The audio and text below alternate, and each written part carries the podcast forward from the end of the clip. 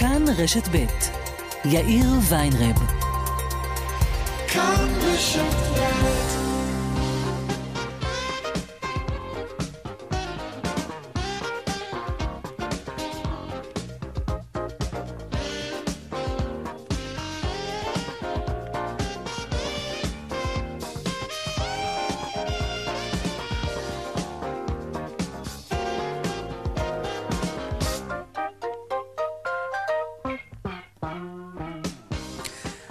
ארבע וחמש דקות ועוד שלושים וארבע שניות, כאן צבע הכסף ברשת ב', שלום רב לכם, יום ראשון, שבוע טוב, חנוכה שמח. הפייננשל טיימס מדווח שאחרי חגיגת הקניות ברשת, בעולם, עכשיו החנויות באינטרנט, החנויות המקוונות, אולי עשו הרבה כסף, אבל זה גם יעלה להם ביוקר ממש. כי רק האמריקנים לבדם צפויים להחזיר לחנויות האלה בקרוב סחורה בהיקף של 100 מיליארד דולרים. אתם יודעים מה זה 100 מיליארד דולרים? זה למשל כל התקציב של מדינת ישראל, משהו כמו 400 מיליארד שקלים. כל הצבא הגדול שלנו, ומערכת הבריאות, והחינוך, והתשתיות, החשמל, המים, הכבישים, הרווחה, הקצבאות, עוד ועוד ועוד. כל הכסף הזה מסתכם בהקלקה אחת של אמריקני שמזמין מוצר באינטרנט, ובעוד הקלקה שהוא מחזיר את המוצר הזה. זה בלתי נתפס, וזה עולה לחנויות באינטרנט הרבה מאוד כסף. נדבר על זה עוד מעט.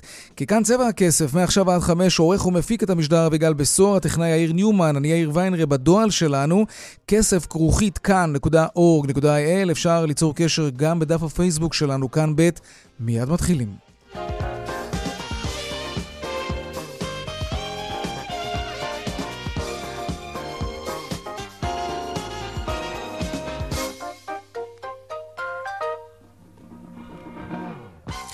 פותחים בחותרות אה, צבע הכסף ליום ראשון, ההפקרות בענף הבנייה. עוד פועל נהרג היום בקריית גת כשנפגע בראשו מצינור של משאבת בטון. אסף פוזיילוב, כתבנו בדרום, שלום, העדכון שלך. שלום, כן, מדובר בפועל בן 48 שנהרג כשמערבל בטון התהפך עליו והוא נפגע אה, בראש בצורה אה, אנושה מהצינור של אותו מערבל בטון שהתהפך על התת שלו.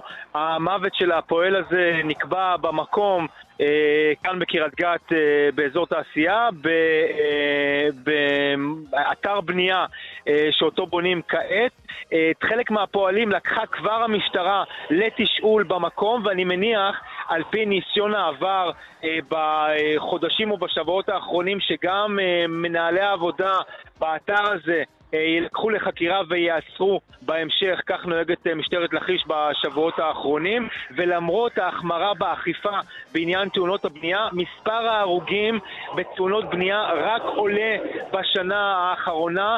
אה, בשנה הקודמת, ב-2018, נהרגו 41 פועלי בניין, מאות נפצעו. בשנה כן. הזאת, שעדיין לא הסתיימה, יש לה עוד כמה ימים, נהרגו יותר מ-50 פועלי בניין, עלייה נורא. של עשרה הרוגים. מה שאומר פועל בניין הרוג אחד בכל שבוע ממש. במדינת ישראל. אה, המספרים האלה רק עולים, כאמור, למרות אה, הניסיון להגביר את האכיפה אחרי הלחץ הציבורי. אסף פוזיילוב, כתבנו בדרום, תודה.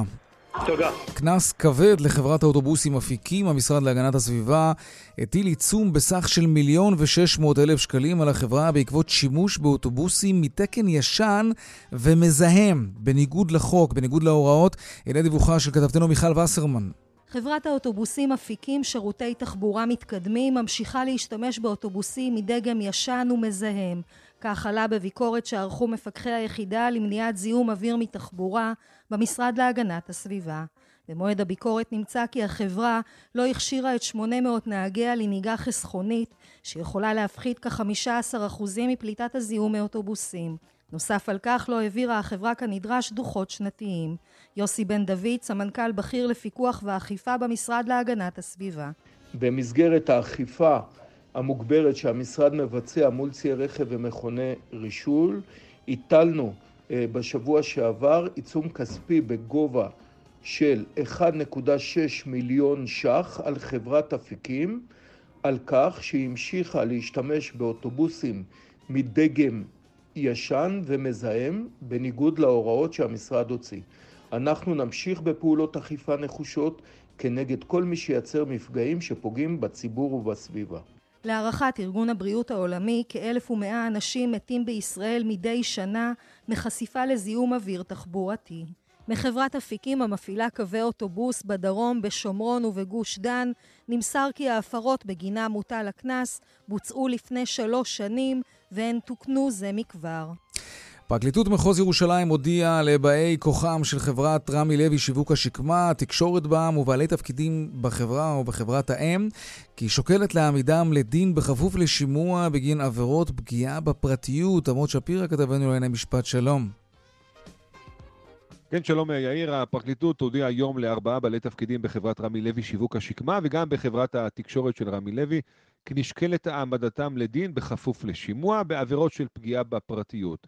הפרשה הזו החלה בין השאר בעקבות אה, סכסוך שהיה בחברה, ומה שהלך והתברר שלאחר שקיבלה חברת רמי לוי רישיון ממשרד התקשורת למתן שירותי רדיו טלפון נייד, בוצעו מאות בדיקות כדי להתחקות, לבלוש ולחקור אודות אנשים, עובדי החברה וגם כאלו שלא, מבלי שהם ידעו על כך. חברת רמי לוי תקשורת התקשרה עם חברת פלאפון, וכחלק מכך היא קיבלה גישה למערכות הפעלה שונות של פלאפון, ובהן גם מערכת שבאמצעותה אפשר להפיק פלטי שיחות ואיכונים, מערכת שנועדה רק כדי למנוע הונאות. אבל, לפי החשד, ברמי לוי תקשורת, השתמשו במערכת הזו כאמור כדי לעקוב אחרי אנשים במאות הזדמנויות על פני חמש שנים לצרכים אישיים וגם לצרכים עסקיים. החשודים הם מנהל חברת רמי לוי תקשורת אופיר אטיאס, שלמה ג'וליאן, אחראי האבטחה בחברה, שמואל לוי, סמנכ"ל רמי לוי שיווק השקמה, ואפרים יהודאי, קב"ט החברה הזו. עמוד שפירא, כתבנו לענייני משפט, תודה רבה. נעדכן גם לגבי הנוהל ברשות המיסים שאפשר לכם אה, לחמוק מעונש, ובתנאי שתספרו את האמת על כמה אתם מרוויחים. הנוהל הזה לקראת סיום, מה יקרה אחרי שחלון ההזדמנויות הזה ייגמר? עוד מעט הפרטים. נספר לכם על עוד מקרה נורא של עושק של קשיש בדרום. אסף פוזיילוב יביא את הסיפור הזה. נמשיך לסכם את השנה והעשור. היום סיכום טכנולוגי. מה אפשר להגיד היום על מה שיהיה כאן בעוד עשר שנים, ושכולם יגידו שאנחנו סתם הוזים, אבל צודקים. אולי. וגם מה בתו של ברוסלי רוצה מרשת מזון גדולה בסין. היא תובעת ממנה עשרות מיליוני דולרים. מזל של הרשת שזה לא ברוסלי שתובע מהם בעצמו. אתם יודעים איך זה היה נגמר, כן? והפינות הקבועות שלנו, חיות כיס בסביבות 4 או 30 והדיווח משוקי הכספים, אלה הכותרות, כאן צבע הכסף. מיד ממשיכים.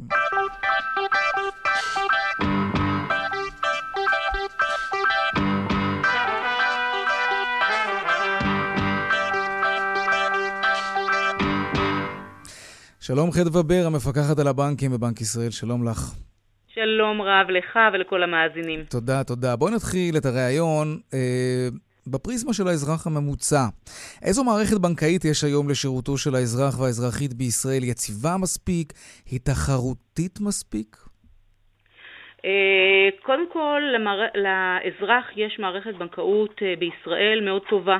אה, בסך הכל היא, היא כמובן מאוד מאוד יציבה, לשמחתנו בכל השנים האחרונות שבהם אה, בעולם בנקים פשטו את הרגל על ימין והשמאל, באירופה, בארצות הברית, אה, בישראל אנחנו אפילו לא היינו קרובים למצב הזה וכל הבנקים נותרו יציבים ופעלו בשמרנות.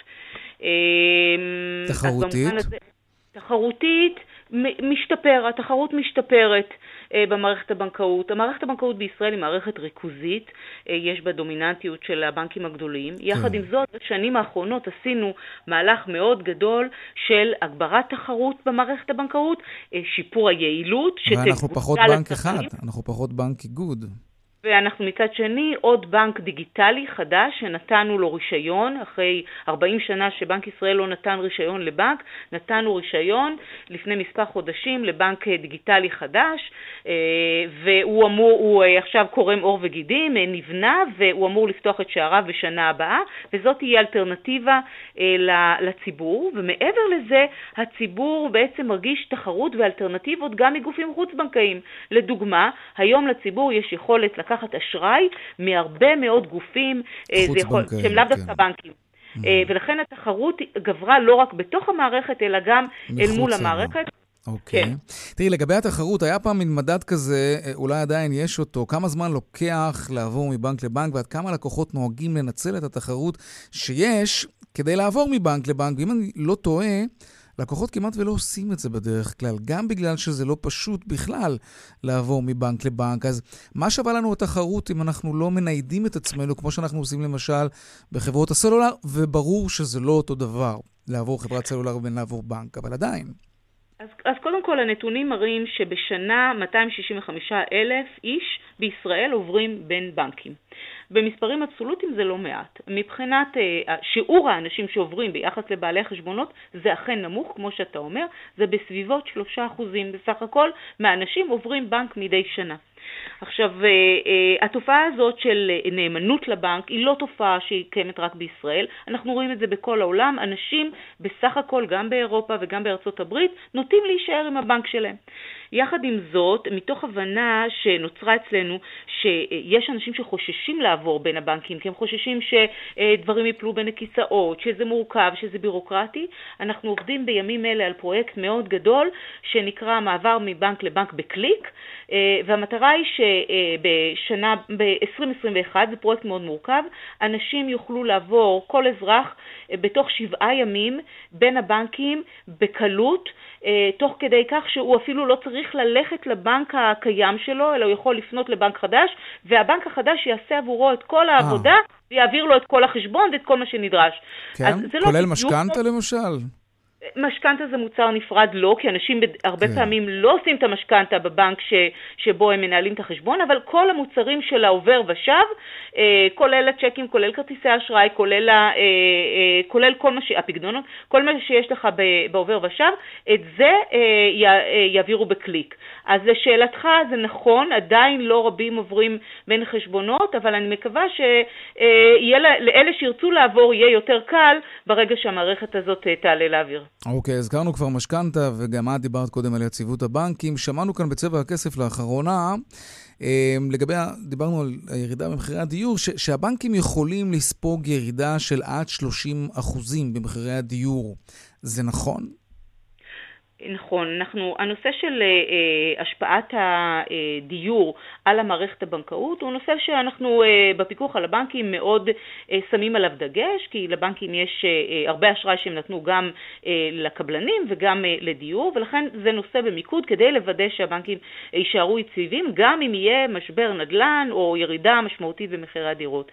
ולכן בעצם מדי שנה אנחנו עושים אה, בדיקה מאוד מאוד יסודית ומקיפה, אנחנו קוראים לזה תרחיש קיצון, אה, שבו אנחנו עושים סימולציה, מה יקרה אם מחירי הדירות ירדו ב, אה, בעשרות אחוזים וגם מצב המשק יורע והאבטלה תעלה ועוד סנאריואים שהם חמורים, זה לא תחזית, זה יותר תרחיש, כדי לראות מה יקרה, ואכן אנחנו רואים שגם בירידה של 30 אחוזים במחירי הדירות, הבנקים בישראל יישארו יציבים. אבל אני מנסה להבין, סליחה שאני קוטע אותך, נגיד דירה שהייתה שווה... אה, נגיד מיליון שקל, אוקיי? ומישהו לקח בעבורה משכנתה, ועכשיו היא פתאום שווה 700, 750 אלף שקלים. זה, זה באמת לא יזיז בכלל לבנקים? זה, זה ירידת ערך? אנחנו ראינו מה קרה בסאב פריים בארצות הברית, זה גרם לגופים פיננסיים שלמים לקרוס, כי פתאום הנדלן שהם נתנו בעבורו הלוואות כבר לא היה שווה אפילו את ההלוואה שהם נתנו. אז, אז התשובה לשאלתך היא כן, לא יקרה שום דבר. ולמה? קודם כל בישראל ההלוואות לא ניתנות כמו בארצות הברית או באירופה. שם ההלוואות ניתנו בסיכון מאוד גבוה, הלוואות הסאב פריים. ניתנו הלוואות בגובה יותר גבוה משווי הדירה. כזה דבר לא קיים בישראל. בישראל כשאתה מסתכל על תיק המשכנתאות של, של הבנקים או של הציבור, זה היינו הך, אה, המינוף, כלומר השווי של ההלוואה ביחס לנכס עומד על 52 אחוזים. אין בכלל בכלל, אז גם אם אה, מחיר הדירה ירד ב-45 אחוזים, בעצם אה, אה, עדיין אה, השווי של הנכס יותר גבוה. זה דבר אחד. דבר שני שצריך לזכור, הדירות משמשות בטוחה, והן לא, אה, לא מזה הלקוח נפרע. ולכן מה שיותר משפיע על, ה, על, ה, אה, על הפסדי אשראי שיהיו לבנקים, אם יהיה כזה תרחיש קיצוני, זה שיעור האבטלה. אם האבטלה תעלה ואנשים לא יוכלו לא להחזיר את ההלוואות, כן. אז זה יכול לפגוע, ב, אה, אה, ליצור הפסדים אה, גדולים, אבל עדיין לשמור על יציבות. אז, אז זה באמת נושא שהוא מאוד במיקוד, וזו אחת החוזקות של המשק הישראלי. אגב, זה נובע מזה שאנחנו בבנק ישראל הטלנו המון רגולציות ומגבלות שלא קיימות בעולם, כדי לשמור שהבנקים באמת אה, אה, לא אה, אה, אה, יישארו יציבים אה, אם יהיה משבר נדל"ן. גם במקרים קיצוניים, כן. אגב, איך, איך את רואה את עתיד הבנקים? הם ימשיכו באותה צורה שאנחנו מכירים אותה? האמת היא שהם משתנים כבר אל מול עינינו, כי הם הופכים להיות יותר ויותר דיגיטליים, אבל מצד שני הם גם יצטרכו אולי פה בארץ להתמודד עם מה שמתמודדים כבר בחו"ל, כמו חברות ענק גוגל, אפל, אה, אמזון, שמאפשרות ללקוחות שלהם לשלם דרכן, ואולי עוד מעט החברות האלה יהפכו להיות גם סוג של בנקים בעצמם. אז אתה צודק לחלוטין, הבנקאות ממש משתנה לנגד עינינו, ואם אנחנו חושבים על השנים האחרונות ועל האזרח, אה, אה, האזרח אה, הנורמטיבי, הוא ממש שינה את האופן שבו הוא עובד מול הבנק. היום רוב הלקוחות כבר לא מגיעים לסניף, או כמעט ולא מגיעים לסניף, הם עושים את הכל באמצעות האפליקציה של הבנק, או, או אתר האינטרנט, או לפעמים הם גם משוחחים עם, הפקיד, אבל ב call center, כלומר המערכת הפכה להיות הרבה יותר דיגיטלית. יש גם אפליקציות תשלומים, שהיום כבר 36% מהציבור משתמש באפליקציות תשלומים שהבנקים יצרו כדי להעביר אה, תשלומים בין אנשים.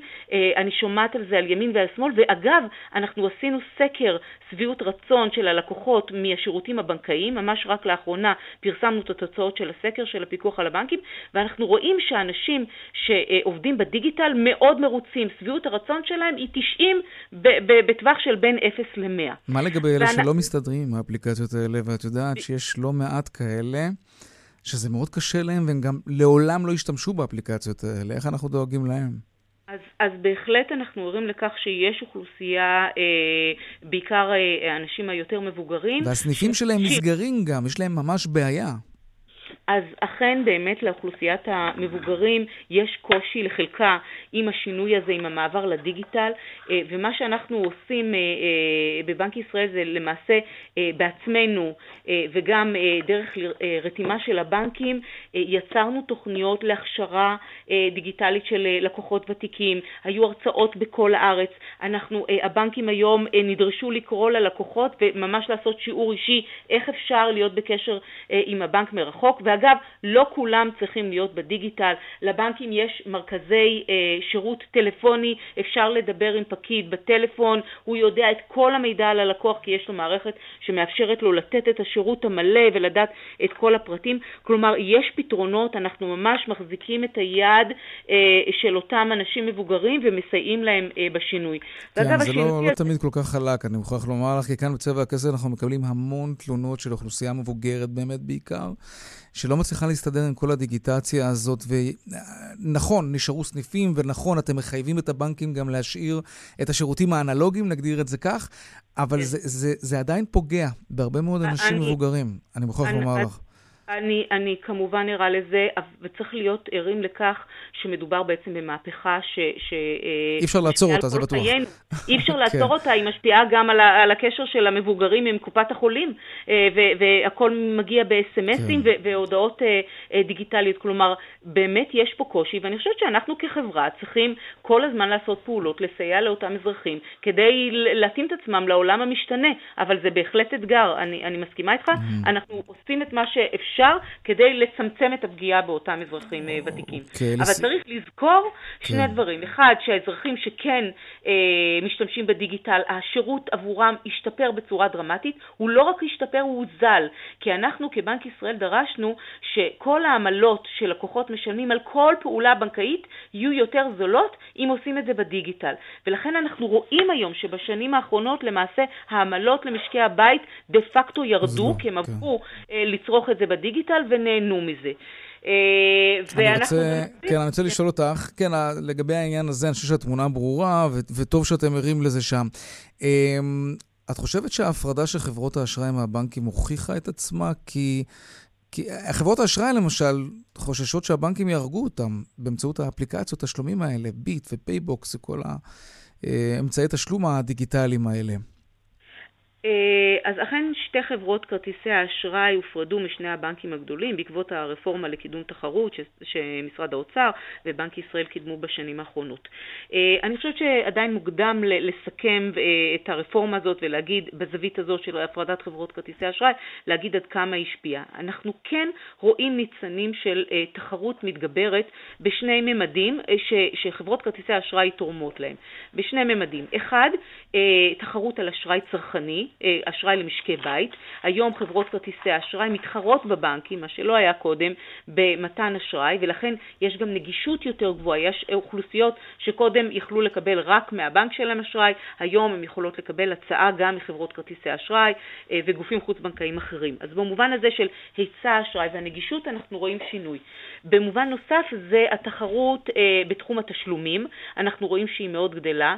אנחנו רואים שלדוגמה עסקים קטנים משלמים עמלות יותר נמוכות היום בעקבות התחרות שמתגברת אה, אה, בתחום התשלומים וכבר, וכבר נהנים מהוזלה משמעותית בעמלות. כן. כלומר, כן רואים כבר ניצנים של הגברת תחרות ותועלות אה, אה, אה, לציבור, אה, ואנחנו עדיין ממשיכים כן. לתת אה, סוג של הגנת ינוקה לשאלתך אה, אה, לגבי ההשפעה שתיתכן בתחרות הזאת בין גופים גדולים לחברות כרטיסי אשראי, אנחנו כבנק ישראל הגדרנו שניתן הגנות ינוקה לאותן שתי חברות כרטיסי אשראי כדי שהן באמת יתחזקו ויוכלו לאורך זמן אה, להיות תחרותיות אה, בשוק הפיננסי. אז זה, זה בתהליך.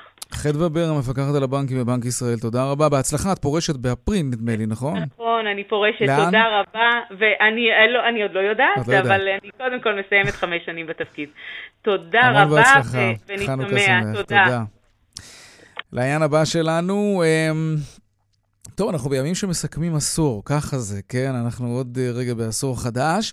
אם נגיד לפני עשר שנים, אומנם אה, היה כאן אינטרנט ווואטסאפ ופייסבוק, אבל אם היינו מספרים לכם אז עד לאיזו רמה של שליטה ולפיתה והשפעה היו לשני היישומונים האלה, סתם בתור דוגמה, על החיים שלנו, יש מצב שהיו חושבים שאנחנו מגזימים, או הוזים, או לא נורמליים, ואם היו מספרים לנו... אה, כן, אתם יודעים, אה, משהו כזה לגבי היום, מה יקרה בעוד עשר שנים, אז יכול מאוד להיות שגם מי שיעז לדמיין, נחשוב שאנחנו קצת משוגע. שהוא קצת משוגע. שלום גיא עמיעד, מנכ"ל חברת הייעוץ האינסוף ומומחה לחדשנות וטכנולוגיה.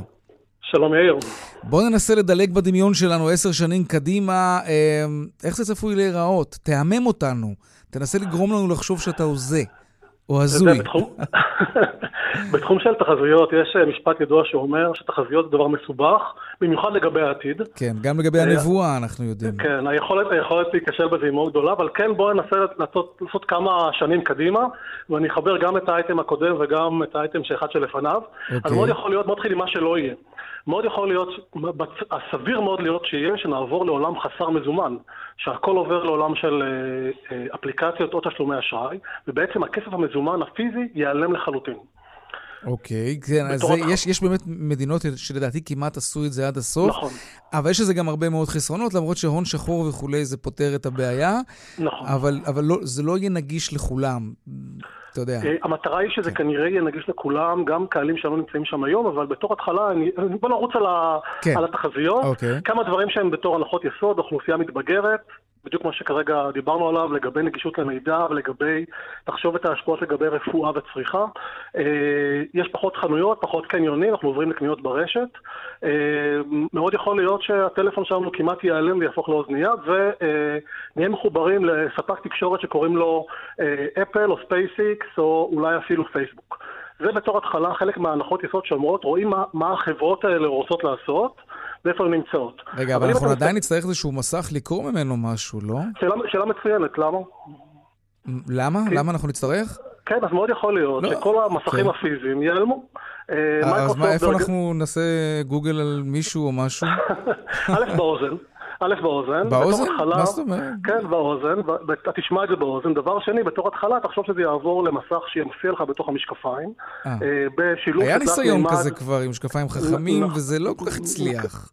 זה כי זה היה כבד מדי ולא נוח, אבל מייקרוסופט מאמינה שהמסכים הולכים להיעלם, וזה רק יהיה צעד אחד לפני שכל אחד מאיתנו ילך לאופטיקאי הקרוב לביתו ויזמין עדשה, כולל את המסך הזה לתוך העין, שיכול להפעיל אותה. Mm. כן, כן, אה, אוקיי. מה שנקרא אה, מראה שחורה זה כאן. אה, ממש. הד- הדברים שאתה מסתכל עליהם, אתה בעצם אומר מה, ש... בעצם, מה, מה המשותף לכולם. המשותף הוא שבעצם הכל נהיה הרבה יותר חכם, במיוחד דברים שעד היום לא היה בהם הרבה מאוד אה, בינה, הם היו עתירי עבודה.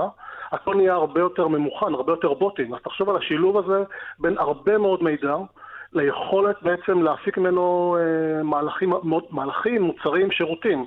תחשוב על הנושא שעכשיו אתה נכנס אה, לרכב שלך, אם הוא יהיה אוטונומי עוד לא, גם זה יש ספקות, אבל בוא נגיד שבחמש שנים הקרובות כנראה תיכנס לרכב שהוא עדיין לא אוטונומי, וכמו שהיום ה, אה, הרכב מודיע לך שאתה לא חגור, הוא הרי יש לו מין, מין משקל מסוים בתוך הכיסא, הוא יודיע לאפליקציה הרפואית שלך, יאיר, הופה, עלית בקילו. אז הדבר, הדבר הזה, אוקיי. עכשיו תחשוב, תחשוב יש עד כמה זה מצב. אחרי החג הזה, כן, אוקיי. אחרי החג הזה, קילו זה האופציה היותר סבירה. אה, אה, כן, הנעימה. אבל תחשוב מה קורה שהרכב או האפליקציה בתוך הרכב מודיעה כבר אליך הביתה מה המקרר החכם שלך וה... אומר לו לא להיפתח. כלומר, אל- אל- אל תפתח את הדלת כשיאיר מתקרב או משהו כזה. לא, אגב, דווקא תיכנס פנימה, אבל האוכל יהיה מוכן ומתאים לך ברמה קלורית שהקילו הזה ייעלם. Mm. עכשיו, כל דבר הולך להיות במקומות האלה. במקומות שאתה הולך לחבר טריליונים של מכשירים שמחוברים אחד לשני, וביניהם אתה מסתובב, ובעצם הכל חוזה את הצעדים שלך. אז למשל, לגבי האוכל, למשל, לחמם את הבית או לקרר אותו, למשל, אם אתה רוצה לקנות משהו, אז כבר המידות שלך והנתונים שלך מוזנים לתוך, לתוך המערכת, אוי, זה ואתה נהדר. בעצם מקבל אופציות. כי בדיוק דיברנו על זה בתחילת התוכנית, שמשהו כמו 100 מיליארד דולר אנשים מחזירים בגדים שהם רק נכון. האמריקנים מחזירים נכון, לחנויות, אגב, כי... כי זה לא היה במידה שלהם. אגב, אם הזכרת כבר מכו- אה, מכוניות, אתה, אתה זוכר את סדרת הסרטים בחזרה לעתיד, נכון? בוודאי. שמע, מכונית מעופפת כבר יש, זה עוד לא ממש כאן, אבל אתה יודע, אני זוכר משם עוד משהו, את הסקייטבורדים המעופפים האלה. כן, כן. זה, זה משהו אה, בהישג יד טכנולוגי? סקייטבורד שלא נוגע אה, בקרקע? אז יש, יש פיתוחים שכבר... אנטי חומר זה נקרא או משהו, לא? סליחה? זה נקרא אנטי חומר או משהו. אנטי חומר וההתנגדות בעצם יוצרת את היכולת לתעופה, עדיין לא, לא ייצרו אנטי חומר, כן ייצרו אה, כלים קטנים שמסוגלים לרחף אה, למרחקים יחסית קצרים היום, אה, על בסיס אה, זרמי אוויר, על בסיס ג'טים. אבל כן, כל הנושא של תעופה או תנועה באמצעות אה, שדה אלקטרומגנטי שיוצר את ההתנגדות, כבר בעבודה, חלק, כמובן יש כאלה רכבות כבר היום. בפיתוחים המתקדמים יותר זה סוג של רכבת שנקראת Hyperloop שהולכת להיות... לראות אותה כבר בשנים הקרובות, שהיא תנוע במהירות של כמעט אלף קמ"ש. כלומר, אתה תוכל לנסוע מרחקים עצ- עצומים. אלף קמ"ש? מה זה עושה לגוף שלנו כשאנחנו נוסעים במהירות אה, כזאת? כנראה מגיעים יותר מהר. אה, כמובן, התאוצה שם היא... זה בטוח. אבל כן. תחשוב שזה, אתה תדע מה אתה לובש, אז אין לך בעיה. אבל אני רוצה לדבר על שני דברים שבעיניי רגע, אבל. לצ- לצערי נשמור את זה לפינה הבאה שלנו, כי כי תם זמננו. אבל היה מרתק. ומעניין. אפשר לדבר על העתיד, אתה יודע, עד אין סוף. עד שהוא מגיע. עד שהוא מגיע, בדיוק. גיא עמיעד, מנכ"ל חברת אה, ייעוץ אין סוף ומומחה לחדשנות וטכנולוגיה, תודה רבה. תודה לך.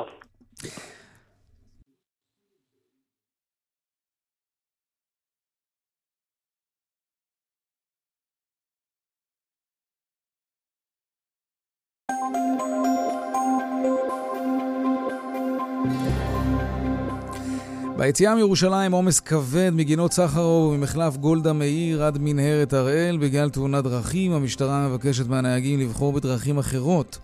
בדרך 6 צפונה אה, חסום לתנועה החלק ממחלף סורק לכיוון מחלף נשרים. בגלל תאונת דרכים סעו בזהירות, בהמשך עמוס ממחלף קסם עד חורשים ודרומה נחסמו לתנועה שני נתיבים מתוך שלושה נתיבי הנסיעה ממחלף אייל עד חורשים בגלל כתם שמן על הכביש. מסוכן. דיווחים נוספים בכאן מוקד התנועה כוכבי 9550 ובאתר שלנו, אתר התאגיד, אתר כאן פרסומות ומיד חוזרים עם עוד צבע הכסף, עם חיות כיס כמובן.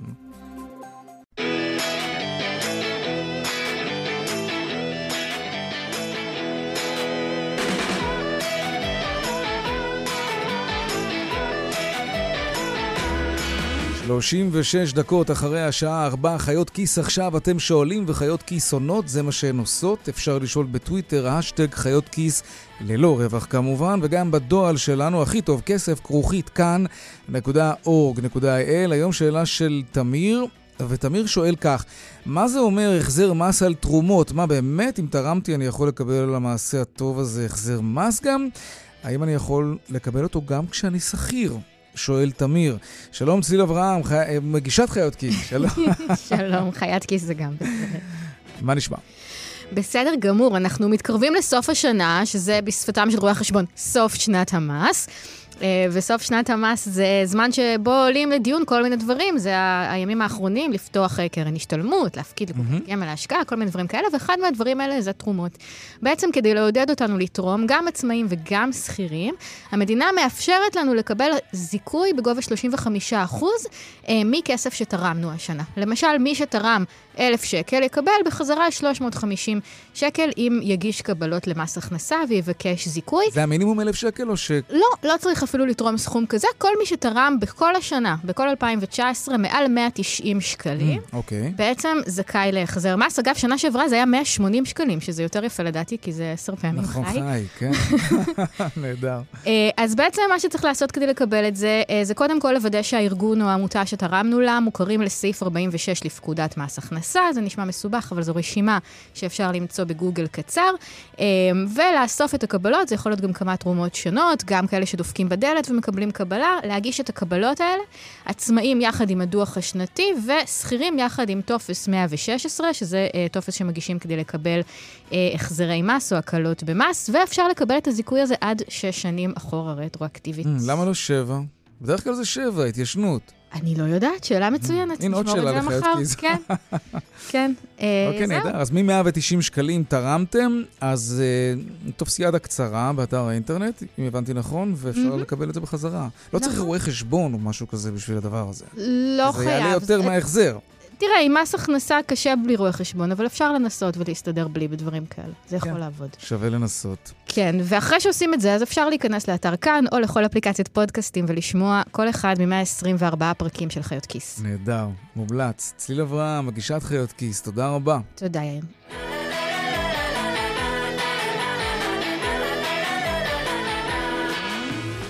אנחנו עדיין באותו עניין. אה, בעוד שלושה ימים ייסגר חלון ההזדמנויות שנתנה רשות המיסים כדי לעדכן את הדיווחים למס הכנסה. ככה, אם לא דיווחתם על מלוא ההכנסות שלכם, אה, בכוונה או בתום לב, מס הכנסה נתן לכם איזושהי הזדמנות לעשות את זה בלי לחטוף על זה על הראש. שלום עורך הדין אה, אורי גולדמן, מתמחה בדיני מיסוי. שלום, שלום. אני רוצה להבין, בעצם, כל עוד הנוהל הזה קיים, יכול בן אדם להצהיר על הכנסות, לתקן את הדיווח שלו, אפילו בסכומים גדולים מאוד, נגיד, מאות אלפי שקלים בשנה, ושום דבר לא היה קורה לו, רשות המיסים התחייבה באמת לא להגיש כתבי אישום במקרים כאלה? למעשה, רשות המיסים לפני כמה שנים הגיעה למסקנה שאנשים, בשביל לעבדד אותם להצהיר אלון שחור, שווה לעשות איזה מבצע. התחילו. אותו לפני שלוש שנים, והנה הוא נגמר בעוד שלושה ימים. קוראים למבצע הזה גילוי מרצון. אוקיי. אה, בהתחלה הוא היה אפילו עוד יותר מעניין, אה, אני אומר במרכאות, הוא היה אנונימי. זאת אומרת, היית יכול לבוא ולהצהיר אנונימית על סכומים ש... בעצם סכומים מה של זאת הון אומרת. אנונימית? הרי אתה רוצה לתקן את השומה שלך, אז... אז... או, אז יפה. אז עד לפני שנה היה מותר לעשות את זה אנונימי, ואז באמת אה, היה פה גל של אה, גילויים מרצון, כי אנשים היו מצהירים, אני מספר 772, יש לי הון שחור, לא יודע, 100 מיליון שקל, בסדר? אוקיי. עכשיו, מתי היית מגלה את השם שלך? אחרי שהיית מתנהל והיו אומרים לך, המס יהיה, נגיד, לדוגמה, 10 אחוז, מהמם. למשל, סתם אני זורק... ואז אתה מחליט אם זה מתאים. לך. כן, מתאים לי גם, אה, כן, יותר קל לי. אוקיי. ואז היית אומר, או, עכשיו שאני יודע שהמס הוא עשרה אחוז, אז השם מאחורי הגילוי הוא אה, משה חיים. בסדר? אוקיי. וזו הייתה ש- חסינות מלאה, באמת? גם היה מדובר בהיקפים גדולים? זה בטח, אה, מדברים שככה גולו למעשה מיליארדים רבים. Mm, זאת אומרת, אם אני שווה. במשרד שלנו כמה מאות מיליונים אחראים, אז בטח ובטח ש... שבכל הארץ זה הרבה יותר. אוקיי, ואת זה אפשר לעשות עוד שלושה ימים, זה מה שנותר. נכון. אחרי זה כבר לא תהיה חסינות של זה. בעצם. כלומר, אחרי, למעשה מהראשון לראשון, כבר כן. התחילה רשות המיסים לאחרונה, מי שעוקב, בעצם לעשות פשיטות על כל מיני אנשים ומידעים שיש להם. נכון, ראינו אותם פושטים על כל מיני אה, נכון, יוטיוברים, לאחרונה- ואינטר- אנשים שעובדים באינטרנט וכולי. נכון, בדיוק. Mm. אז מה הם עושים בעצם? אומרים, תראו חבר'ה, היה לכם הזדמנות, יש לכם עוד כמה ימים הזדמנות. אם לא אתם תלכו, אנחנו נבוא. אה, וזה רק, מה שנקרא רק עניין של זמן, ובשביל אה, למקד עוד יותר, או אני לא רוצה להגיד לאיים, כי בכל זאת רשות המיסים היא, היא של כולנו, אז מה בעצם עושה הרשות? היא אומרת, בוא נתחיל דווקא, אנחנו, איך אומרים, גם הרשות שלנו עם אה, חכמים. ואז מה הם אומרים? בוא נתחיל דווקא ממי שסגר את החשבונות. אה, אז ב... כלומר, הבנת מי, מה שב- הם עושים? כן, הם מי שבעצם אה, גילה יפה. הוא בעצם נמצא עכשיו מאחורי הכוונות שלהם, אם הבנתי נכון. בדיוק, כי למה? מי שסגר את החשבונות זה שלו, לא ממש מעודד. ב-2014 בדרך כלל, כן. דרך אגב זאת השנה, אז מה עושה הרשות? היא אומרת, במקום לחפש עכשיו את כל ישראל, בוא נתחיל ממי שסגר. Mm, עכשיו, מי שסגר הזה, כנראה שם יש בעיות, איך אומרים? אוקיי, כלומר, סביר שהעבריין יחזור לזירת הפשע, מה שנקרא. יפה, ואיפה הבעיה הגדולה? אה. היא שאם הרשות פונה ולא האיש, אז הוא כבר לא מגלה מרצון. ואם הוא לא מגלה מרצון, אז כבר, איך אומרים, אנחנו דפקנו לך עד הדלת לפני שאתה באת, כן. הענישה הרבה יותר כבדה. אז נהנית מחסינות כש... כשגילית מרצון, אבל זה לא אומר נכון. שאתה עכשיו לא מתחת למיקרוסקופ שלנו. צריך. לקחת את זה בחשבון. נכון. זה לא כזה חכם לעשות את זה, זה לא מעודד אנשים ללכת ולעשות גילוי מרצון אם הם יודעים שאחר כך הם נמצאים באיזו רשימה שחורה. נכון, אבל יש אבל. אבל ככה בעצם הרשות אמרה, אני צריכה כסף להכניס. וכולנו יודעים ששנה הבאה צריך עוד יותר כסף להכניס. אז למעשה, הם אמרו, אנחנו מוכנים לעצום חצי עין אם יבואו ויגלו לנו. מהמם. אוקיי, בסדר, עכשיו, ברגע שזה נגמר, תורת המשחקים. צריכה לחזור. כן. עורך הדין אורי גולדמן, אה, מתמחה בדיני מיסוי, תודה רבה. בבקשה, בבקשה, להתראות. להתראות. באמריקה, אה, פתחנו ואמרנו לכם, צפויים הצרכנים, שימו לב, להחזיר לחנויות המקוונות באינטרנט סחורה בשווי 100 מיליארד דולרים, שזה כמו תקציב של כל מדינת ישראל. אלו הם דברים שהם הזמינו בין היתר אה, בין חג ההודיה לחג המולד, רק בפרק הזמן הזה. קונים בלי לחשוב פעמיים, מחזירים כאילו אין מחר. שלום אלעד גולדנברג, יועץ אסטרטגי לשעבר, בכיר באי-ביי, שלום לך. שלום יאיר. שמע, אלו היקפים מפחידים. זה, זה יותר מאשר בדרך כלל, נכון? כן, חשוב לציין רק שהמספר של המאה מיליארד הוא מתוך סך כל הקמעונאות שתסתכם בטריליון ומאה מיליארד. או, זאת אומרת, הקניות באינטרנט בכלל בארצות הברית הם אה, כ-600 מיליארד דולר בשנה, שאגב הממוצעים עומדים על אחוזים גבוהים יותר של החזרה באונליין. לעומת המספר שציינו, למעשה אומרים ש-10% מהמוצרים שנקנו יוחזרו. באונליין אנחנו מכירים את זה לפעמים נגיד אה, בתחום הנעליים, שעד 30% מהמוצרים מוחזרים. mm. אה, טוב, וזה נעליים, זה. צריך להיות נוח, כן. לא, האמת היא, בכלל ביגוד. תראה, מצד אחד אנחנו שומעים על חנויות שמשנות את המדיניות החזרת המוצרים שלהם ומקשיחות אותם כדי למנוע את המצב הזה שאנשים קונים ומחזירים, קונים ומחזירים. מצד שני, לחנויות האינטרנט בתחום הביגוד, כן, יש בעיה. אנשים לא יכולים באמת למדוד, לא יכולים באמת לראות איך זה נראה עליהם. אה, אתה יודע, מידה, צבע וכו'- וכולי, אה, אין ממש ברירה, כנראה.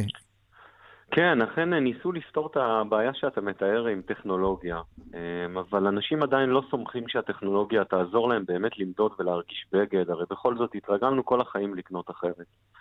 אמ, מצד אחד אנחנו רואים את המגמה של חנויות שמקשיחות את המדיניות, אבל אה, זה לא משהו שיעזור להם לאורך זמן. אה, לקוחות גם אה, בודקים את הבגדים בחנויות פיזיות וקונים אותם באונליין באותה רשת. זאת ממש חוצפה. כן. כשחושבים על זה. תראה, אה, מהצד השני, אני יכול לספר לך על זאפוס האמריקאית, שהיא למעשה חנות הנעליים הגדולה ביותר בעולם באינטרנט. וזאפוס מאפשרים לך לקנות כמה זוגות נעליים שתרצה, ואתה יכול להחזיר אותם עד שנה מיום הרכישה. זאת אומרת, במידה ולא השתמשת בהם מתלבט- כמובן. אה, כן, אם, אם אתה מתלבט בין צבע, בין מידה, הם אומרים לך פשוט תזמין כמה שאתה רוצה הביתה ותחזיר לנו אותם ללא עלות. אבל זה עולה להם אחר כך, הרי הם מחזירים את זה גוביינה בדרך כלל, לא? נכון, רוב, רוב ההחזרות האלה באמת מהחברות הרציניות יותר הן על חשבון החברה ולא על חשבון הלקוח. אה, הם יודעים בסוף לשקלל את זה. תראה, הרי העלויות של חנות אונליין בהרבה מקרים הן פחותות מאלה של חנויות פיזיות. אה, לא צריך נדל"ן יקר במרכז קניון, עובדים, מיתוג. בסוף חנות ענקית כמו זאפוס מנוהלת ממחסן מאוד מאוד גדול בווגאס, והחיסכון הזה מתגלגל לנוחות של הצרכנים וגם למחיר. תגיד, מה לגבי, ככה סתם, תוך כדי שיחה, אני חושב על זה, על איזושהי uh, מערכת תוכנה לניהול מלאי, שתדע, למשל, לאתר בגד או נעל שחוזר לחנות בגלל שלקוח הזמין מידה לא נכונה, אבל במקום שהדבר הזה יחזור לחנות, הוא יגיע ללקוח שכן צריך את המידה הזאת, כדי לחסוך את ההחזרה והשליחה המחודשת. אולי יש לך פה סטארט-אפ, יאיר. אני גם חושב, לא? תחשוב על זה. תראה, יש את הבעיה של האריזה שנפתחת וכולי, אבל אפשר לפתור את זה עם אריזות מיוחדות כאלה ולתגמל לקוח שארז בחזרה כמו שצריך. זה רעיון הנה, זרקנו פה. משהו, לא? באמת, באמת שזה רעיון מעולה, כי אני חושב שגם אם זה במחיר... כל הזכויות שמורות. מותר. תגיד, אני ה- חושב ה- שגם אם המחיר יהיה נמוך יותר, הרבה אנשים יסכימו, כי בכל זאת, רק אם מישהו מדד נעל ותקבל אותה בעשרות אחוזי הנחה, אני חושב נכון. שהרבה אנשים לא יתנגדו לזה. תגיד, המטרה היא בעצם להפוך את, ה- את הקנייה למדויקת יותר, כדי למנוע החזרת מוצרים, וזה אומר ששווה לחברות ענק, כן? כמו אמזון ואי-ביי ואליקספרס וכולי, אה, וגם לחנויות עצמן, כן? אלה שפותחות את זה בתוך הפלטפורמות הגדולות האלה, להשקיע לא מעט כסף אולי בפיתוח של אפליקציות שיסייעו לנו לקנות מדויק יותר, ויש פה ושם יישומונים כאלה, אבל, אבל זה לא ממש נגיש תמיד. נכון, הרבה יישומונים כאלה הם uh, עצמאיים, ואתה לא תמצא אותם באמת בחנויות כמו אמזון. אנחנו רואים שצרכנים, כמה שהם אה, אוהבים לקנות באינטרנט, הטכנולוגיה הזאת של מדידה וירטואלית עדיין uh, לא תפסה. היות והרבה פשוט לא מאמינים שזה באמת יעזור להם, והם מעדיפים לקחת את הסיכון, לפעמים אפשר גם להגיד לנצל את העסק בלשלוח יותר פריטים הביתה ולהחזיר על חשבונם. אה, אבל אני חושב שבעתיד אנחנו, אתה יודע, ככל שהדור הצעיר נכנס יותר לקניות, אנחנו נתרגל לעשות את זה ברור, גם, גם במדידה כן. דיגיטלית. זה בעצם היתרון שיש לחנויות הפיזיות על פני המתחרות שלהן, על הרשת. אם חנויות בקניון רוצות להדגיש את ההבדל המהותי, הן צריכות, צריכות לשחק על זה שאצלם יש מראה, שזה הדבר הכי בסיסי.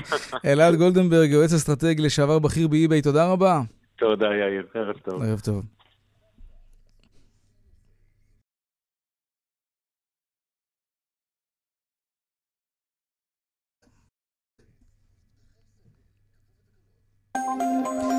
בדרך תשע מזרחה, עומס כבד מאיחוד גבעת חיים עד מחלף בקה בגלל תאונת דרכים, סעו בזהירות.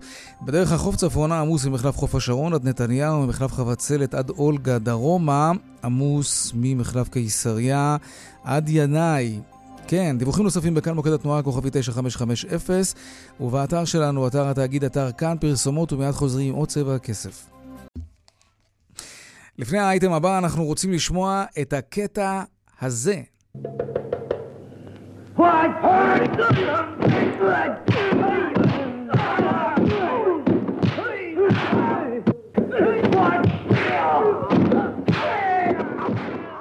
בטוח שלא מעטים אה, מכם אולי מזהים את הקולות המיוחדים האלה של ברוס לי, כשהוא הולך מכות כמובן, בדרך כלל עם כמה וכמה אנשים יחד, כי רק עם בן אדם אחד זה לא כל כך שווה. שלום, יואב זהבי, כתב חדשות החוץ שלנו. שלום יאיר. למה אנחנו נזכרים בברוס לי האגדי היום? תראה, אז אה, רשת אה, ריל קונג פו, אה, רשת מזון מהיר שלה מאות סניפים ברחבי סין.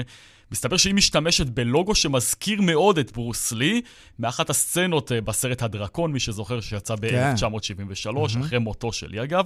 אה, בלוגו הזה נראה אדם עם שיער שחור, לובש חולצה צהובה ומבצע מעין תנוחת קונג פו, כן, בדיוק כמו לי בסרט. בדיוק, כן, כן. עם האגרופים. Uh, עכשיו כעת, שיינון לי, שהיא בתו של ברוס, והיא גם מייצגת את חברת המרצ'נדייז של השחקן ואמן הלחימה המנוח, היא דורשת מאותה רשת, ריל קונג פו, פיצויים בסך, שים לב, 30 מיליון דולר, ואת הסרתה המיידית של התמונה. עכשיו היא טוענת- נזכרה? כן, עכשיו היא נזכרה. אחרי uh, כמה שנים? הרשת הזאת קיימת 15 שנה. אוקיי. נזכרה מאוחר. וברשת המסעדות הגיבו לתביעה, אה, הם פרסמו פוסט בווייבו, שזה הטוויטר הסיני, ומסרו כי סמלי לרשת התקבל אחרי שהוגש לסוכנות סימני המסחר הלאומית, אנחנו משתמשים בו כבר 15 שנה. עכשיו, זה סיפור מעניין, כי בעצם מצד אחד יש כאן סיפור על זכויות, כי הם אומרים, זה לא ברוס לי, על פניו זה רק ציור, כן? זו לא התמונה המקורית, כן. אבל זה לחלוטין ברוס לי. וב-2009 העיתון האמריקני וול סטריט ג'ורנל עקב אחרי הניסיונות של משפחת לי להחזיר לתודעה את כוכב העבר, שהלך לעולמו. אז הנה, זה מצליח לה. כן, באמצע שנות ה-70. אה, בין השאר נכתב שם כי ישנן חברות שקיבלו רישיון לעשות שימוש בתמונותיו של לי.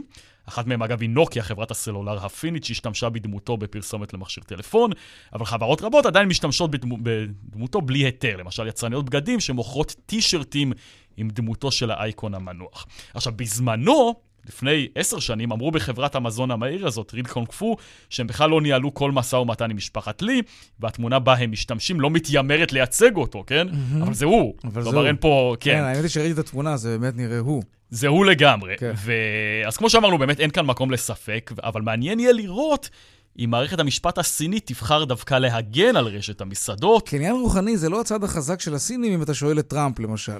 נכון, עכשיו גם, גם ממה שאני מכיר, כן, ותקן אותי אם אני טועה, אה, ברוסלי מזוהה אומנם עם סין, אבל גם עם הונג קונג, כלומר הוא פעל בהונג קונג באותה תקופה שהייתה קולוניה בריטית. אממ. מעניין לראות אם אה, בעניין הזה של הקניין הרוחני, מערכת המשפט תבחר להגן על רשת המסעדות, או על מורשתו של השחקן שמזוהה יותר דווקא עם הונג קונג. יואב זהבי, כתב חדשות החוץ שלנו, תודה רבה. תודה, יאיר. עכשיו לעדכון היומי משוקי הכספים.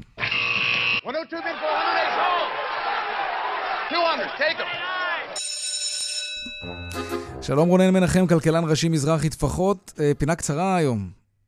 שלום, אז בהשוואה לקונג פו, היום היה יותר שקט בבורסה הישראלית, ירידות קלות 3 עשיריות האחוז לתל אביב 125, בלט טלטל קילית שירד כ-8 עשיריות האחוז, מנגד עלו מדדי תל אביב פמילי, בנקים ונדל"ן בין 2 ל-3 עשיריות האחוז. בשוק האג"ח מגמה חיובית, אה, בהולכה של טלפון שקלי שעלה כעשירית אה, האחוז, ולסיום, ביום שישי כרגיל נקבע שער הדולר על 3 שקלים 46 אגורות ו-8 עשיריות. רונן מנחם, תודה רבה, חנוכה שמח, שבוע טוב. חג שמח.